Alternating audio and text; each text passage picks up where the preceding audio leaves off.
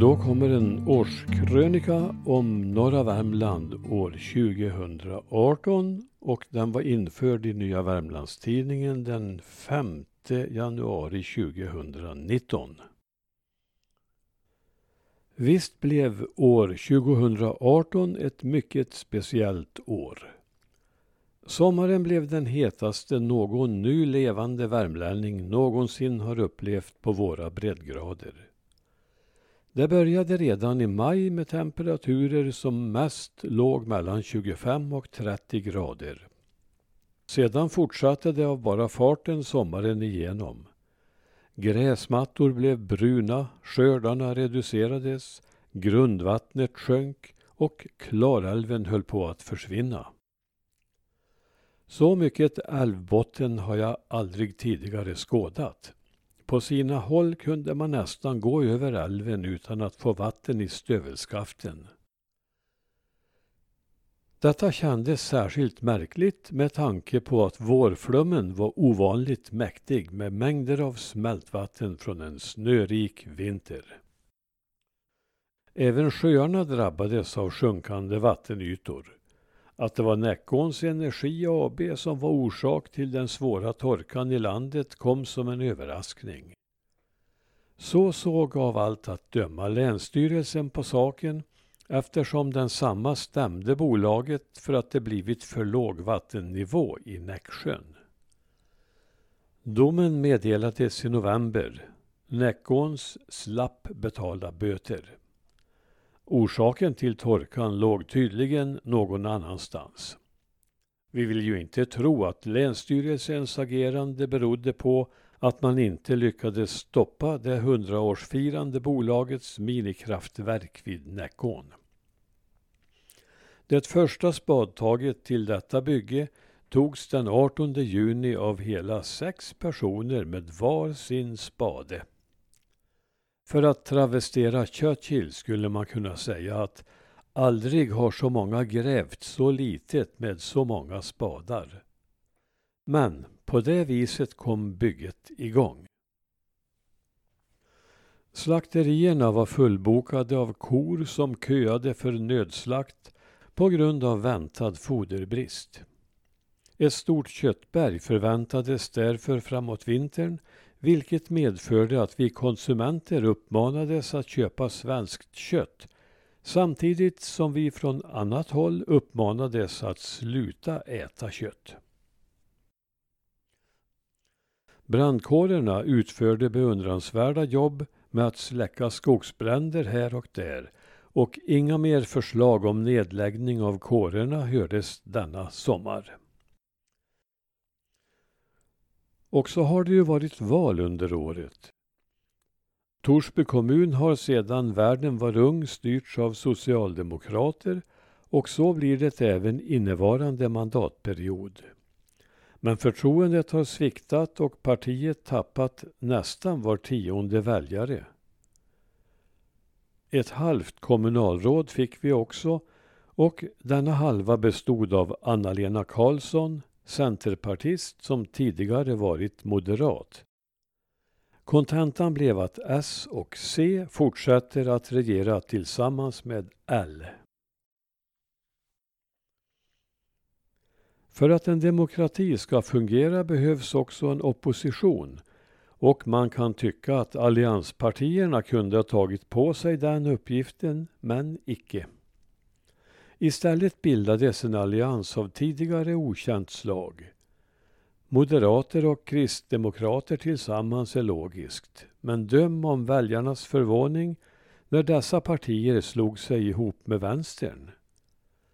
Var den gemensamma nämnaren finns förstår väl knappast ens vår Herre, men enligt en tidningsartikel skulle denna oheliga allians ha bildats som en kupp för att ta ett mandat från Sverigedemokraterna.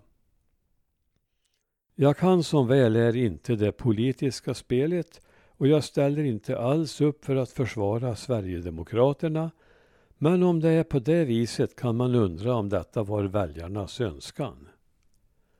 Skulle det visa sig att det blir en stark och enig opposition kanske man vid nästa val lika gärna kan välja V som KD. Eller tvärtom. Eller gemensam röstsedel, MKDV. Kanske denna sammanhållning rent av kan smitta av sig på rikspolitiken där alla tycks vara i opposition mot varandra. För övrigt kunde det konstateras att valdeltagandet i norra Värmland var mycket lågt. När befolkningsstatistiken för 2017 presenterades visade det sig att redan glesbebodda Torsby kommun tappat fler invånare än någon annan kommun i landet. Minus 279 personer är mycket i en kommun med så få invånare. Kommunalrådet Ann-Katrin Geråsen förklarade minskningen med bostadsbrist och att det mest var nyanlända som gav sig av. Som en inverterad julklapp fick invånarna i Torsby kommuns glesare bygder i december veta att räddningstjänsten i fortsättningen inte ska göra några utryckningar i trygghetsskapande syfte.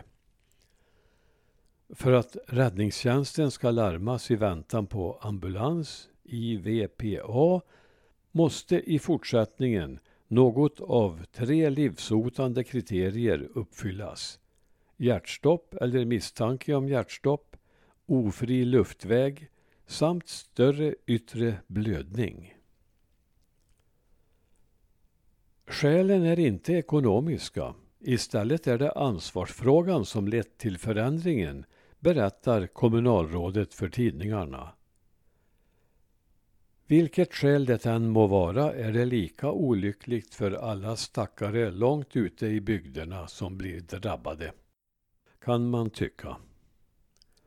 I årets sista skälvande minuter meddelades att en första insatsperson inrättas i Sysslebäck under det överbelastade vinterhalvåret för snabbare hjälp till den nödställda. I slutet av maj månad fattade apoteket Kronan det uppseendeväckande beslutet att apoteket i Likenäs skulle hållas stängt hela elva sommarveckor på grund av personalbrist. Detta meddelades med en skylt på dörren.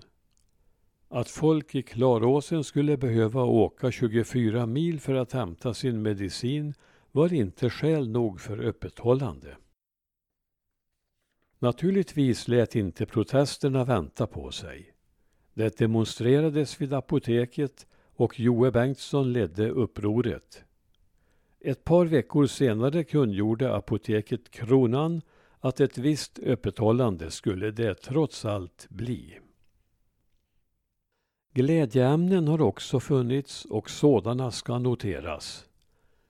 De alerta lanthandlarna på ICA Likenäs anordnade mitt i smällkalla vintern en storslagen eldsjälsgala för ett hundratal personer i Backa ordenshus. Tio personer som röstats fram av kunderna i butiken som eldsjälar fick dela på 50 000 kronor. Nya satsningar på butiken har dessutom utlovats. I Bograngen invigdes trygghetsboendet med hjälp av musikerna Terje Rundberget, Pelle och Sonja Svedbo samt ett fiolspelande kommunalråd. Brannäs byalag firade 30-årsjubileum dels med en rekordstor byfest, dels med att ge ut en historiebok om byn.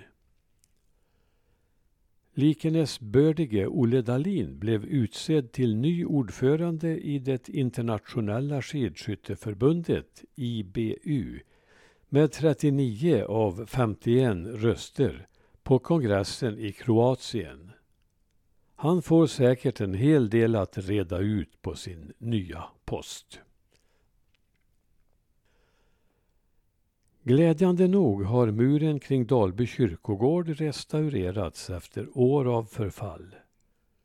Då väntar vi bara på att det äldsta, snart sönderfallna korset ska åtgärdas.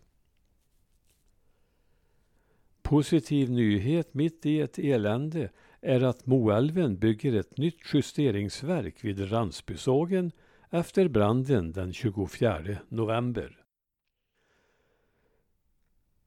Några nordvärmländska ungdomar har låtit tala om sig. Linus Östlund, Finnskoga MK, tog guld i crosskart extrem under vinter-SM-veckan i Skellefteå och Ransbykonstnären Albin Liljestrand fick äran att dekorera kommunens nya bokbuss. Finnskoga MKs rallydagar i juli upphör aldrig att imponera. Under årets tävlingar hade man 51 600 besökare. I oktober blev det klart att klubben får arrangera rallycross-VM de kommande fem åren. Glädjebägaren visade upp lite smolk när senare på året några fabriksmärken meddelade avhopp. Liksom de gångna åren brukar avslutas med fyrverkerier ska denna krönika avslutas med årets smäll. Den kom två månader före årsslutet och var en åskknall av ovanligt slag. Butikernas datasystem slogs ut i Sysslebäck och de gamla papperssedlarna kom åter till heders. God fortsättning på det nya året.